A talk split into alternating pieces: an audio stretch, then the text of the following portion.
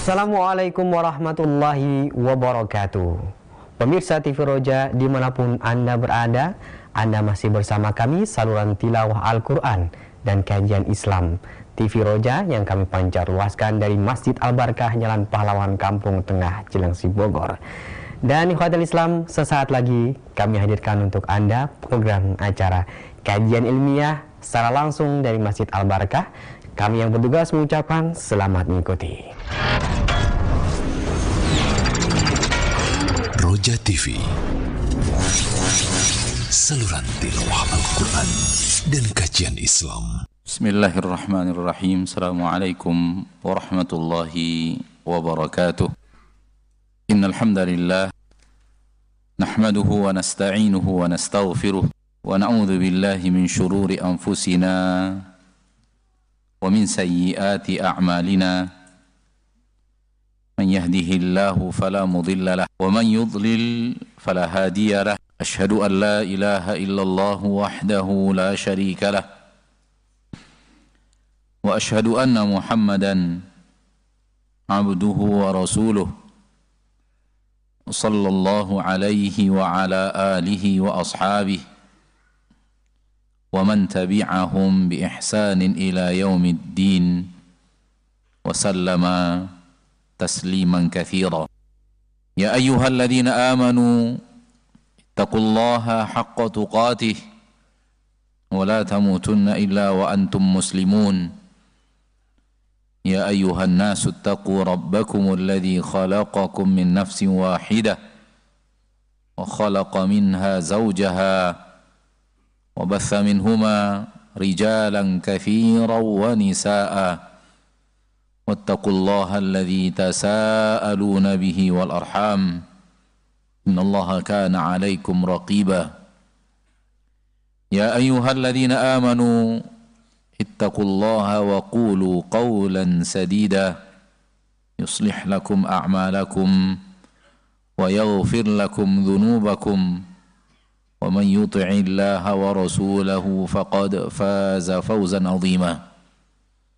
ما بعد فإن أصدق الحديث كتاب الله وخير الهدي هدي محمد صلى الله عليه وسلم شر الأمور محدثاتها فإن كل محدثة بدعة وكل بدعة ضلالة وكل ضلالة في النار. Saudaraku, saudariku al-muslimin wal muslimat al-hadirin wal hadirat wal musyahidin wal musyahidat di mana pun anda berada rahimani wa rahimakumullah. Pertama-tama sekali mari kita bersyukur kepada Allah tabaraka wa ta'ala Rabbul Izzati wal Jalalah wa Rabbul Jabaruti wal Malakuti wal Kibriyai wal Azamah Allah tabaraka wa ta'ala yang yang maha pengasih lagi maha penyayang yang telah mencurahkan kepada kita nikmat-nikmat yang sangat teramat banyak. Allah mencurahkan kepada kita kasih sayangnya yang tiada tara dan tiada terhingga. Sungguh Allah tabaraka wa taala ketika memberikan kepada kita nikmat-nikmat ia memberikan kepada kita nikmat yang takkan terhitung oleh kita saking banyaknya dan nikmat-nikmat tersebut tidak pernah berhenti dalam kehidupan kita. Jangankan satu jam satu detik saja dari kehidupan kita nikmat-nikmat yang Allah berikan kepada kita itu tidak pernah berhenti. Lihatlah organ tubuh kita yang bekerja setiap detik. Tampaknya kita tidak akan bisa apa-apa. Allah yang maha pengasih lagi maha penyayang melihat kita menggunakan sebahagian daripada rahmat dan nikmat yang ia berikan kepada kita kadang atau sering kita gunakan justru untuk hal yang Allah murkai. Ia berikan kepada kita nikmatnya dengan nikmat-nikmat yang Allah berikan kepada kita manusia berbuat maksiat. Allah berikan kepada kita kasih sayangnya dengan kasih sayang yang ia berikan kita melakukan hal yang dia murkai ia curahkan kepada kita nikmat-nikmat dengannya kita melakukan apa yang ia larang daripada kita namun Allah wa taala Ar-Rahman Ar-Rahim tidak pernah berhenti mencurahkan nikmat-nikmat yang sangat teramat banyak itu. Karena Allah Maha Pengasih dan Maha Penyayang ma'asyarul muslimin ma'asyarul muslimat. Pengasih yang kasih sayangnya mencapai kesempurnaan kasih dan sayang di mana tidak ada kasih sayang lebih sempurna daripada yang dimiliki oleh Allah Rabbuna tabaraka wa taala. Dan dikarenakan Allah tabaraka wa taala ketika mencurahkan kepada kita nikmat-nikmat yang sangat teramat banyak itu nikmat-nikmat itu di sisi Allah tabaraka wa taala Rabbul Izzati wal Jalalah sepele Nikmat yang yang yang ia adalah nikmat yang sangat banyak di sisi Allah adalah nikmat yang kerdil. Namun ketika kita melihatnya dia adalah nikmat yang sangat teramat banyak. Saking banyaknya Allah mengatakan wa in ta'uddu ni'matallahi la tuhsuha.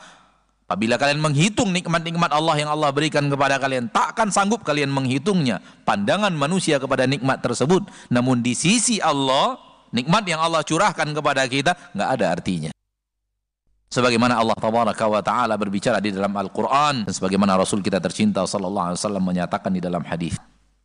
Salawat dan salam kepada Nabi kita tercinta, Rasul kita yang mulia, suri tauladan kita Nabi Muhammad bin Abdullah sallallahu alaihi wasallam. Manusia paling sempurna, paling mulia yang menginjakkan kakinya di permukaan bumi dan dijadikan beliau kewajiban bagi kita untuk menjadikan beliau sebagai suri tauladan dengan firman-Nya laqad kana lakum fi rasulillahi uswatun hasanah. Ma'asyiral muslimin, ma'asyiral muslimat rahimani wa rahimakumullah. Pada kesempatan yang berbahagia ini kita dimintakan untuk berbicara tentang dunia. Dan kita yakin bahwa sebelum kita telah sering sekali para asatidah yang dimuliakan Allah para guru-guru kita yang kita hormati telah banyak berbicara tentang masalah dunia.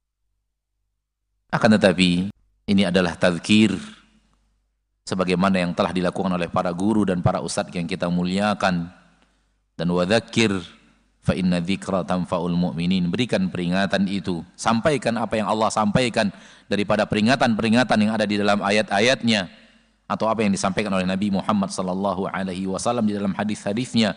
Fa inna dzikra tanfa'ul mu'minin. Karena tazkir akan memberikan manfaat pada orang-orang yang di dalam hatinya ada iman. Walaupun dia bahagian daripada pengulangan demi pengulangan akan tapi ini penting. Kenapa karena dunia syarat sekali dengan tipuan karena dunia banyak sekali telah menyeret kaki manusia ke murka Allah dan neraka Allah Rabbul Izzati wal Jalalah. Kita tahu, kita sadar di saat diingatkan, setelah itu hilang lagi. Kita diingatkan akan bahaya dunia, tipuan-tipuan dunia di majlis kita mengiyakannya, mengangguk-angguknya. Kemudian ketika kita kembali kepada dunia itu sendiri, terdapat di dalamnya tipuan-tipuan sehingga banyak sekali banyak lagi langkah kita yang salah, banyak lagi aksi kita yang keliru, banyak lagi perbuatan kita yang tidak sesuai dengan apa yang telah kita dengarkan. Ini yang merupakan misdaku qaulihi ta'ala, bentuk daripada pembuktian kebenaran firman Allah tabaraka wa ta'ala akan dunia yang sangat syarat dengan tipuan. Allah tabaraka wa ta'ala berbicara atau berfirman di akhir-akhir surat Luqman Ya ayuhan nasu inna wa'dallahi haqqun. Ya ayuhan nasu taqu. Di akhir daripada surat Luqman, Allah tabaraka wa taala berfirman, Ya ayuhan nasu taqu rabbakum wakhshaw yawman la tajzi nafsun la taj la yajzi walidun an waladih wala mauludun huwa jazin an walidihi syai'a Inna wa'dallahi haqqun fala taghurrannakumul hayatud dunya wala yaghurrannakum billahil gharur. Wahai sekalian manusia, takutlah kalian kepada hari di mana seorang ayah tidak akan bisa memberikan manfaat apa pun kepada anaknya. Di mana seorang anak tidak bisa memberikan apa pun kepada ayahnya. Hari akhirat di mana semua pertolongan hanya ada ya di sisi Allah Subhanahu wa taala. Semua kebutuhan manusia yang diinginkan manusia tidak datang dari manusia tapi datang dari Allah Rabbul Izzati wal Jalalah. Naam, ada yang memberikan syafaat dan syafaat terbesar adalah dari Nabi kita Muhammad sallallahu alaihi wasallam. Anak-anak memberikan syafaat, para syuhada memberikan syafaat, orang-orang saleh memberikan syafaat, akan tetapi semua syafaat itu sebagaimana yang Allah katakan, "Man dzalladzi yashfa'u indahu illa biizni." Siapa yang bisa memberikan syafaat di sisi Allah kecuali dengan izin Allah Subhanahu wa taala. Sehingga syafaat yang diberikan oleh para nabi dan para rasul termasuk nabi kita tercinta SAW harus melalui izin dari Allah Rabbul Izzati wal Jalalah. Dan semuanya kembali kepada Allah Rabbul Izzati wal Jalalah. Terhadap orang yang akan memberikan syafaat izin dari Allah Subhanahu wa taala. Dan siapa yang akan mendapatkannya pun izin dari Allah Rabbul Izzati wal Jalalah. Inilah makna qul lillahi syafa'atu jami'a. Katakan bahwa semua syafaat milik Allah Subhanahu wa taala hanya milik Allah. Nggak ada yang memiliki syafaat apa pun kecuali Allah Subhanahu wa taala. Maknanya adalah siapa pun yang akan memberikan syafaat Allah muliakan di akhirat dengan memberikan pertolongan dan syafaat harus izin dari Allah untuk memberikan syafaat dan izin dari Allah kepada siapa syafaat itu diberikan. Akhirnya semuanya kembali kepada Allah Rabbul Izzati wal jalalah. Sehingga Allah katakan la yadzi walidun an waladi. Hari itu seorang ayah tidak bisa memberikan apa pun kepada anaknya. Termasuk Nabi kita tercinta Muhammad sallallahu alaihi wasallam. Hadis sahih Imam Bukhari Nabi berkata kepada Fatimah, "Ya Fatimah, salini min mali ma syi'ti la ughni anki min Allah syai'a." Wahai Fatimah, minta kepadaku sesuatu dari hartaku di dunia ini, di akhirat aku tidak bisa memberikan apa pun kepadamu. Sahibus syafa'atul uzma, pemilik syafaat terbesar di akhirat mengatakan kepada putrinya, di akhirat saya tidak bisa memberikan apa pun di untukmu, tidak bisa. Kenapa? Semuanya berpulang kepada Allah Rabbul Izzati wal Jalalah. Kecuali kalau Allah izinkan untuk memberi dan Allah izinkan beliau untuk menerima, maka Allah tabaraka wa taala akan melakukan sesuai dengan keadilan dan kasih sayang Allah kepada hambanya di akhirat. Namun langsung dari manusia kepada manusia, dari makhluk kepada makhluk tidak ada seperti yang ada di dunia ini. Maka Allah tabaraka wa taala setelah mengatakan takutlah kalian kepada hari itu, Allah ingatkan kita akan orang-orang yang hancur pada hari itu dengan terpengaruh kepada kehidupan dunia. Fala hayatud dunya. Jangan sampai kehidupan dunia menipu kalian. Jangan sampai kehidupan dunia menipu kalian. Orang-orang yang hidup di permukaan bumi melihat dunia ini begitu indah, melihat dunia ini begitu hijau. Sebagaimana dikatakan oleh Nabi kita tercinta dalam hadis yang sahih dari Imam Muslim. Dunia hulwatun hadi hulwatun khadirah. Dunia itu manis dan dunia itu hijau. Sehingga manusia tertipu melihatnya. Manis indah dirasakan oleh lisan dinikmati oleh lisan. Hijau indah ketika dinikmati oleh mata. Syekh Muhammad bin Salim Utsaimin mengatakan ini penyebab dunia itu begitu banyak memfitnah manusia karena dia begitu indah dilihat oleh mata dan begitu indah ketika dinikmati dan begitu manis ketika dinikmati. Dilihat oleh mata indah, dinikmati oleh lisan manis. Dan ini tipuan yang luar biasa. Godaan yang luar biasa sehingga membuat kaki manusia banyak terjerumus dalam kehidupan dunia yang fana dan hancur dalam kehidupan akhirat. Oleh karena itu Allah tabaraka wa taala menurunkan kepada kita Al-Qur'an. Dan Allah tabaraka wa taala mengutus kepada kita Rabi kita tercinta Muhammad sallallahu alaihi wasallam dan semua itu hudan linnas untuk memberikan keterangan kepada manusia untuk memberikan petunjuk kepada kita yang hidup di permukaan bumi. Bagaimana berhadapan dengan dunia itu? Supaya tidak salah langkah. Supaya tidak keliru. Allah tabaraka wa taala di dalam Al-Qur'an menerangkan kepada kita tentang dunia. Rasulullah sallallahu alaihi wasallam di dalam hadis-hadis beliau menerangkan kepada kita akan hakikat dunia dan hendaklah kita memandang dunia wahai muslim dan muslimah sesuai dengan apa yang Allah ajarkan kepada kita di dalam Al-Quran dan sesuai dengan apa yang diajarkan oleh Nabi kita tercinta Muhammad SAW di dalam hadis-hadisnya. Agar kita mengerti apa itu dunia, tahu apa itu dunia. Sehingga tidak termasuk dalam golongan orang-orang yang Allah katakan tadi ter, tertipu oleh kehidupan dunia. Saudaraku, saudariku kaum muslimin dan muslimat, pada dasarnya di dalam hati setiap manusia ada kecintaan kepada harta.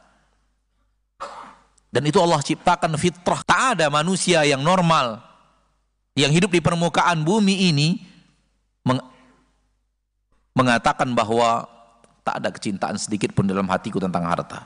Enggak, enggak bisa. Karena itu fitrah. Wa innahu li hubbil khairi lasyadid. Wa tuhibbunal mala hubban jamma. Sesungguhnya manusia itu ketika mencintai harta, dia mencintai berlebihan. Dan kalian berlebihan dalam mencintai harta itu. Dan Allah tabaraka wa ta'ala dalam surah Al-Imran mengatakan, Zuyina linnasi hubbu syahawat minan nisa'i wal banina wal qanatiril muqantara. Diberikan kepada kalian kepada kalian kecintaan syahwat kepada wanita, wanita kepada laki-laki, kepada anak dan keturunan dan kepada harta yang melimpah ruah. Minadh dhahabi wal fiddah wal khailil musawwamah wal an'am wal harf. Harta yang melimpah itu bisa jadi emas dan perak dan kuda-kuda tunggangan pilihan dan hewan-hewan ternak dan perkebunan pertanian. Lalu Allah mengatakan bahwa semua itu adalah kenikmatan dunia. Wallahu indahu husnul ma'ab di sisi Allah ada tempat kembali yang lebih baik maka manusia pada dasarnya mencintai mencintai harta yang ada di dunia itu. Dan itulah yang ditunggangi oleh iblis laknatullahi alaih untuk membuat manusia terpesona dengan dunia dan semakin hanyut dalam pesona-pesona dunia kemudian hancur dengan berakhirnya kehidupannya di dunia dan tidak memiliki sesuatu di akhirat. Ma'asyiral muslimin, ketika Allah tabaraka wa taala berbicara kepada kita dan rasulnya berbicara kepada kita tentang dunia, Allah mengatakan dunia itu sedikit. Rasulullah SAW mengatakan dunia itu sangatlah sedikit. Inilah hakikat dunia. Yang kita sering salah melihatnya. Kita melihat dunia itu banyak. Kita sering menatap dunia itu mewah. Kita sering menatap dunia itu sesuatu yang besar yang ingin kita dapatkan. Padahal Allah Taala menerangkan hakikat dunia itu adalah sedikit. Hakikat dunia itu adalah kerdil. Dan pandangan mata ini yang sering membuat kita tertipu. Di mana kita memandang dunia dengan sesuatu yang besar. Kita memandang dunia itu banyak. Kita memandang orang yang memiliki dunia, memiliki harta, dia telah mendapatkan sesuatu yang luar biasa. Ini tipuan dunia. Ini tipuan dunia, ma'asyarul muslimin, ma'asyarul muslimat, rahimani wa rahimakumullah. Manakala antum pernah melihat orang berada dalam sebuah kenikmatan lalu antum merasa Masya Allah dia berada dalam kenikmatan yang sangat besar, itu tipuan dunia. Itu tipuan dunia, hati-hati. Sampai hatimu selalu melihat dunia beserta isinya kecil, sedikit. Baru anda adalah orang yang sesuai dengan apa yang Allah Tabaraka wa Ta'ala inginkan. Sesuai dengan apa yang diinginkan Rasul kita tercinta Muhammad Sallallahu Alaihi Wasallam. Di sini iman dan akal berperang. Mata manusia dengan akalnya melihat dunia dan dia ingin membesarkan dunia itu. Sementara iman kepada Al-Quran, iman kepada sunnah Nabi kita tercinta Sallallahu Alaihi Wasallam mengajak kita untuk memandangnya remeh, kerdil dan kecil. Betapa banyaknya sekarang manusia matanya melihat harta, membaca biografi manusia-manusia kaya, berapa kekayaannya, bagaimana rumahnya, bagaimana kendaraannya, bagaimana kemewahan hidupnya. Dan ini bacaan paling laris di permukaan bumi sekarang ini. Dan ini pembicaraan paling nyaman yang paling tidak pernah habis-habisnya manusia berbicara tentangnya. Padahal Allah mengatakan di dalam Al-Quran bahwa dunia itu sedikit. Di dalam Al-Quran surat An-Nisa ayat 77 Allah mengatakan mengatakan qul mata'ud dunya qalil. Katakanlah Katakanlah wahai Nabi, wahai Rasul kepada manusia, mata'ud dunya qalil. Kehidupan dunia itu adalah sedikit, kenikmatan dunia itu adalah sedikit. Akal kita, mata kita memandangnya banyak. Allah menyuruh kita memandangnya sedikit dengan keimanan kita. Di situlah akal dan iman bertempur. Dan sering sekali manusia lebih lebih memilih akalnya, lebih memilih pandangan matanya dibanding keimanan kepada apa yang Allah katakan. Di dalam hadis yang sahih dari Imam Abu Dawud dari Abu Hurairah radhiyallahu taala anhu wa ardahu Rasulullah SAW mengatakan Allah tabaraka wa taala memiliki 100 nikmat. Allah tabaraka wa taala memiliki 100 nikmat. Satu dari 100 nikmat itu Allah turunkan di permukaan bumi, 100 rahmat. Satu dari 100 rahmat itu Allah turunkan di permukaan bumi. Di dalam satu rahmat Allah itulah manusia semuanya berbagi termasuk jin, termasuk seluruh hewan berbagi dalam satu rahmat Allah yang Allah turunkan di permukaan bumi 99 Allah letakkan di dalam surganya Ma'asyiral muslimin begini ternyata Allah ta'ala menyampaikan kepada Nabi kita tercinta dan Nabi kita tercinta SAW mengajarkan kepada kita tentang kerdilnya dunia satu Allah turunkan di permukaan bumi rahmat dan nikmatnya dan satu rahmat dan nikmat itu, itu yang diperebutkan dan dibagi oleh seluruh manusia yang hidup di permukaan bumi. Seluruh jin bahkan seluruh hewan. Mana dia yang banyak itu? Mana yang kita lihat dengan mata kita banyak itu mana dia letaknya? Hanya satu, kita berbagi semuanya. Sekian yang telah diambil oleh Korun. Sekian yang telah diambil oleh Fir'aun. Sekian yang telah diambil oleh miliarder-miliarder dunia. Sekian yang telah diambil oleh para pebisnis dunia. Sisanya berapa untuk kita? Mana dia yang banyak itu, Masya Allah muslimin? Masyaallah muslimat, apabila kita melihat kepada hadis-hadis Nabi kita tercinta SAW. Untuk apa Allah mengatakan kepada kita, dunia itu, kenikmatan dunia itu sedikit. Untuk apa Rasulullah SAW mengajarkan kepada kita untuk menyerang akal kita yang selalu mengatakan bahwa dunia itu banyak. Untuk menyerang pandangan sudut pandang manusia yang salah, yang selalu ditunggangi oleh iblis untuk selalu mengatakan dunia itu hebat, perhiasan dunia itu harus dikejar, perhiasan dunia itu harus dihasilkan. Orang yang hidupnya nikmat adalah orang yang mengumpulkan harta sebanyak-banyaknya, orang yang penuh dengan kemewahan, dia hidup dengan kenikmatan yang luar biasa, dia hidup dengan kebahagiaan yang luar biasa. Semua itu tipuan iblis. Banyak dari mana? Dua rakaat mengalahkan banyaknya harta dunia itu. Dua rakaat salat semua kita hafal hadis Nabi kita tercinta, rakaat al-fajri khairum minad dunya wa ma fiha. Dua rakaat salat sunat fajar lebih baik daripada dunia dan seisinya. Berapa menit kita salat salat dua rakaat salat sunat fajar itu berapa menit kita lakukan? Paling dua menit, tiga menit. Apa yang didapatkan oleh seorang muslim, seorang muslimah yang melakukan dua rakaat salat sunat fajar lebih baik daripada dunia dan seisinya. Berapa harta korun dibanding dunia dan seisinya? Berapa harta korun dibanding dunia dan seisinya? Tak ada apa-apanya harta korun dibanding dunia dan dan seisinya. Sementara dunia dan seisinya itu dikalahkan oleh dua rakaat salat sunat fajar. Lihat betapa kerdilnya dunia itu. Dan ketika Nabi kita Muhammad sallallahu alaihi wasallam, suri tauladan kita Nabi Muhammad SAW mengatakan lebih baik daripada dunia dan seisinya, harus kita imani benar-benar lebih baik daripada dunia dan seisinya. Kalimat itu bukan kalimat motivasi untuk kita beramal, tidak. Rasulullah SAW tidak pernah berdusta. As-sadiqul masduq salawatu rabbi wa salamu alaih. Ketika beliau mengatakan bahwa dua rakaat salat sunat salat sunat fajar itu lebih mulia daripada dunia dan seisinya, benar-benar seperti yang Rasul katakan. Siapa di antara kita yang sholat sunat fajar diterima di sisi Allah sholat sunat fajar yang hanya dua menit itu, tiga menit itu atau kurang daripadanya karena dianjurkan sholat yang cepat dan ringkas, disunahkan, ditakfif sholatnya bukan dipanjangkan, maka dia akan mendapatkan di sisi Allah dari pahala daripada sholat sunat dua rakaat itu sesuatu yang lebih baik daripada dunia dan seisinya. Dunia yang kita lihat banyak ini dikalahkan oleh dua menit rakaat sholat. Mana dia yang banyak itu? Masya Allah muslimin, Masya Allah muslimat.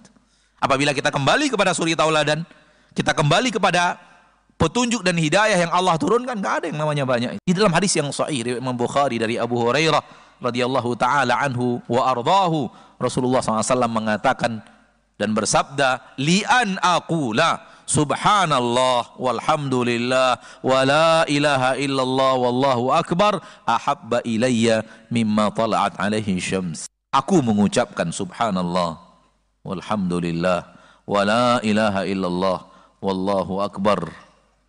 Berapa detik itu cuman berapa detik?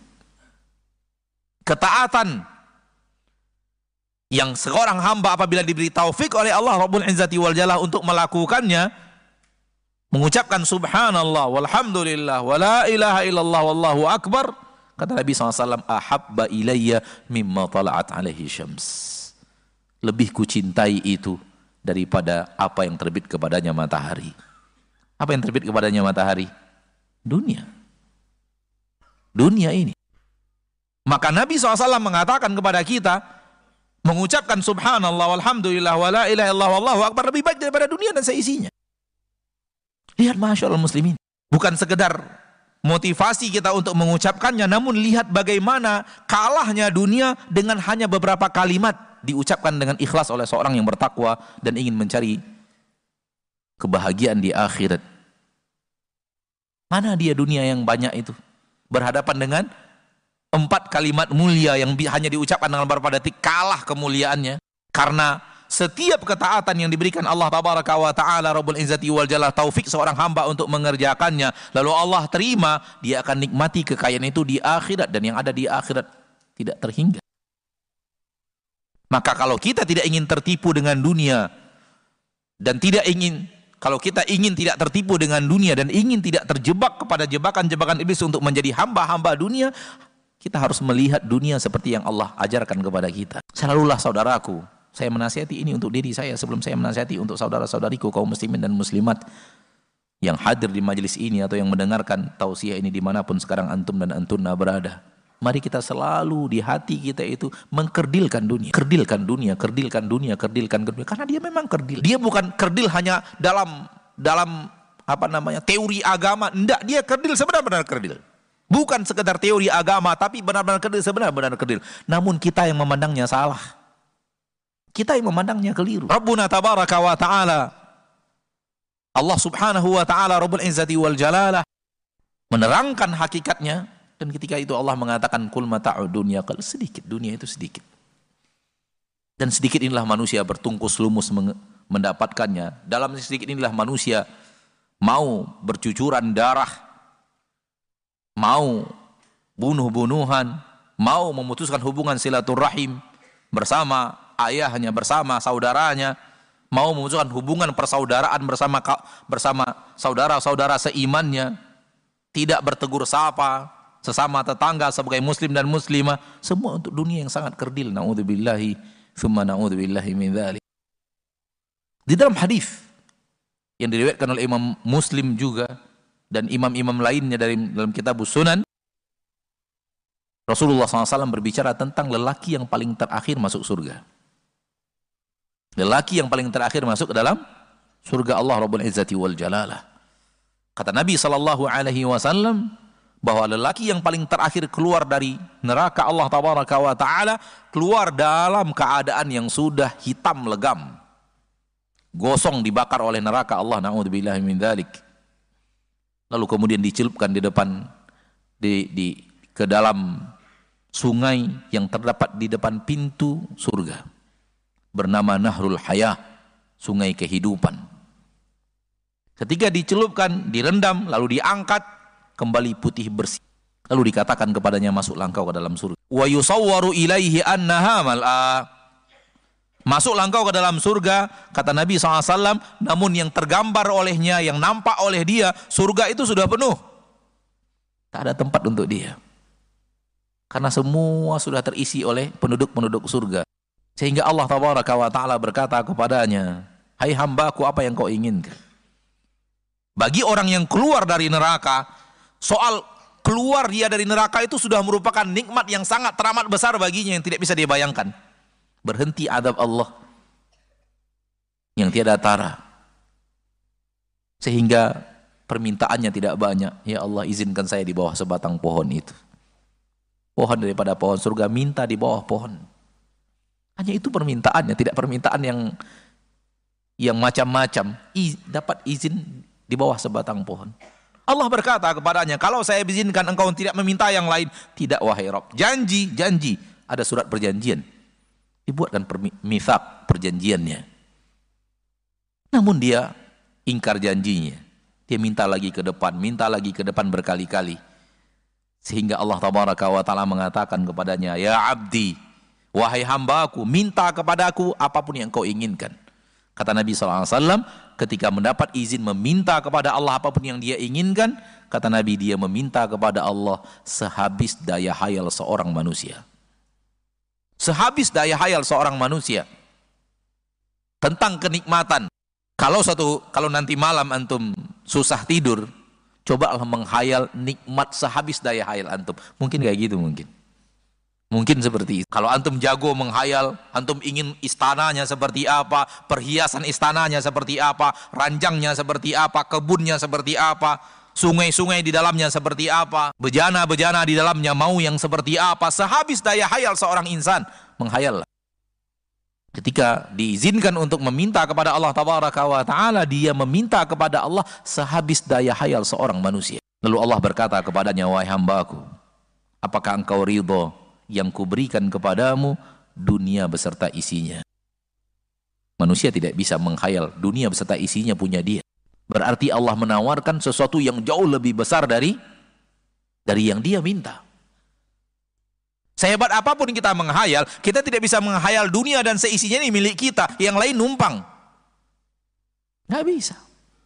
Karena akal kita tidak bisa menembus berapa dunia dan seisinya. Berapa luas dunia dan seisinya dan berapa harta yang ada di dunia dan seisinya tidak bisa logika manusia tidak ada yang tahu. Sehingga manusia tidak bisa menghayal. Dia hanya bisa menghayal sebatas yang yang pernah dia lihat, yang pernah dia bayangkan, yang pernah tergambar oleh dia dari apa yang dia lihat dengan matanya dan dia dengar dengan telinganya. Berarti Allah meng, Allah menawarkan sesuatu yang berjuta-juta kali lebih banyak daripada apa yang dia minta. Harusnya dia bahagia, akan tetapi dia malah marah dan berkata kepada Allah Rabbul Izzati wal Jalalah, "Atastahzi'u bi wa anta Rabbul Alamin?" Apakah engkau masih mempermainkan saya sementara engkau adalah Rabbul Alamin? Engkau pencipta langit dan bumi masih mempermainkan saya. Ia mengira Allah mempermainkan dirinya. Dia tidak kenal siapa Allah karena di dunia tidak belajar siapa Allah. Jauh dari majlis-majlis yang memperkenalkan dia kepada Allah Rabbul Izzati wal Jalala. Jauh daripada ilmu yang mengingatkan kepada dia. Siapa Rabb yang maha pengasih dan maha penyayang. Siapa Allah yang maha pemberi dan maha pembuka seluruh kebaikan. Ketika Allah ber, mengatakan itu kepadanya, dia mengira dipermainkan. Dan mengatakan kepada Allah Tabaraka wa Ta'ala, atas tahzi'ubi wa anta Rabbul Alamin. Maka engkau akan mempermainkan saya sementara engkau adalah Rabbul Alamin. Begitu ya yang dikatakan oleh Rasul kita tercinta sallallahu alaihi wasallam. Kata Nabi SAW, Allah tabaraka wa ta'ala tawa melihat hambanya yang tidak kenal siapa dirinya. Lalu Allah katakan, fa innalaka dunya wa asharatu amthaliha untukmu dunia dan sepuluh kali lebih banyak daripada itu. Siapa ini? Yang paling terakhir masuk masuk surga. Saya mengatakan, semoga apa yang saya katakan ini sahih karena tidak menemukannya Orang yang paling terakhir masuk ke dalam surga berarti paling paling minim mendapatkan surga Allah paling minim mendapatkan kenikmatan di surga Allah Subhanahu karena dia yang paling terakhir. Ini yang dia dapatkan.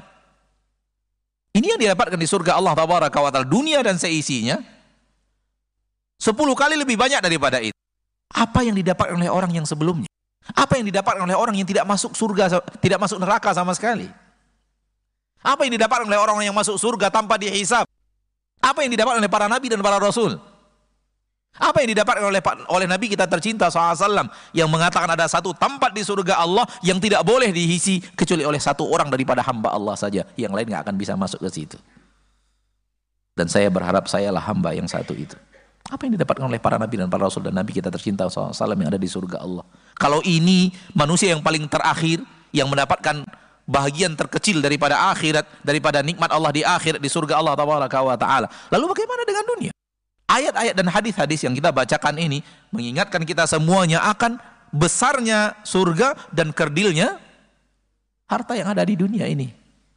Oleh karena itu Allah mengatakan walal akhiratu khairul laka minal ula. Akhirat lebih baik untuk kita kejar. Akhirat lebih baik untuk kita hasilkan akhirat lebih baik untuk kita jadikan hidup kita untuknya. Akan tetapi seperti yang kita katakan tadi, di saat kita diingatkan dengan ayat-ayat Allah Tabaraka wa taala, teringat oh iya. Namun sering kali kita kembali kepada keadaan kita, kembali ke bisnis kita, kembali ke kebiasaan harian kita, kembali kepada pekerjaan duniawi kita, sering sekali hilang lagi kembali lagi merasa bahwa keuntungan yang segini adalah banyak, keuntungan yang segini adalah banyak, yang terkadang ketika kita melihat banyaknya, kemudian kita tertipu untuk rela sedikit berdusta, rela sedikit bersumpah dengan nama Allah, Na'udzubillah, thumma na'udzubillahi min dhalik. Di dalam hadis yang sahih dari Imam Muslim, Rasulullah SAW mengatakan, Mad dunya fil akhirah illa kama yaj'alu ahadukum usbu'ahu fil yam falyanzur bima tarji'. Perbandingan dunia dan akhirat itu bagaikan salah seorang di antara kalian memasukkan satu jarinya ke dalam air laut, kemudian dia mengangkatnya. Silahkan dia lihat berapa yang bisa terangkat. Itulah dunia. Sisa air laut adalah surga Allah Subhanahu wa taala. Siapa di antara kita yang tidak pernah ke laut? Kita tahu bagaimana laut. Takkan terhitung berapa luasnya laut itu dan berapa air yang ada di dalamnya. Masukkan satu jari kita ke dalam air laut, angkat. Kalau kita berada di pinggir laut suatu saat, amalkan ini. Amalkan supaya kita tahu dunia. Amalkan hadis Nabi SAW. Masukkan satu jari kita ke dalam air laut, angkat dan lihat. Masya Allah, inilah isi dunia dan seisinya. Sisa air laut adalah nikmat yang ada di surga Allah Subhanahu wa ta'ala Rabbul Izzati wal Jalalah. Berapalah air yang terbawa oleh satu jari, yang nempel di satu jari dibanding sisa yang ada di dalam air laut. Kalau kita kita selalu tanamkan ini dalam hati kita, kita akan selalu tanamkan ini dan selalu kita ulang-ulang di dalam hati kita dan tidak mudah, tidak mudah. Saya mengatakan tidak mudah. Karena memang tidak mudah. Untuk selalu melihat dunia itu kerdil dan kecil itu tidak mudah, masyaallah muslimin, masyaallah muslimat. Kenapa? Karena yang terlihat oleh mata banyak. Yang nampak oleh mata kita sesuatu yang mewah. Sesuatu yang menggiurkan, hijau, manis. Dan situlah letaknya ujian dunia itu. Di letaknya tipuan dunia itu untuk kita untuk kita sadar akannya. Di dalam Al-Qur'an surat Al-Mu'minun ayat 122 Allah kembali berbicara tentang hakikat dunia. Dan hakikat dunia dalam ayat itu Allah berbicara bahwa dunia itu pendek dan singkat. Allah berfirman di dalam Al-Qur'an surat Al-Mu'minun ayat 112 dan 113 Qala kam labithtum fil ardi adada sinin Allah tabaraka wa taala berfirman berapa tahun kalian tinggal di permukaan bumi Berapa tahun kalian tinggal di permukaan bumi? Qalu labithna yawman aw ba'da yawm fas'alil 'addin. Mereka menjawab, kami tinggal di permukaan bumi satu hari atau sebahagian hari.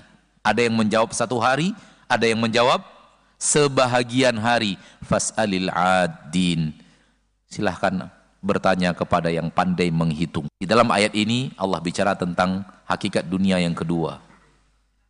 Yaitu dia adalah kehidupan yang sangat-sangat singkat.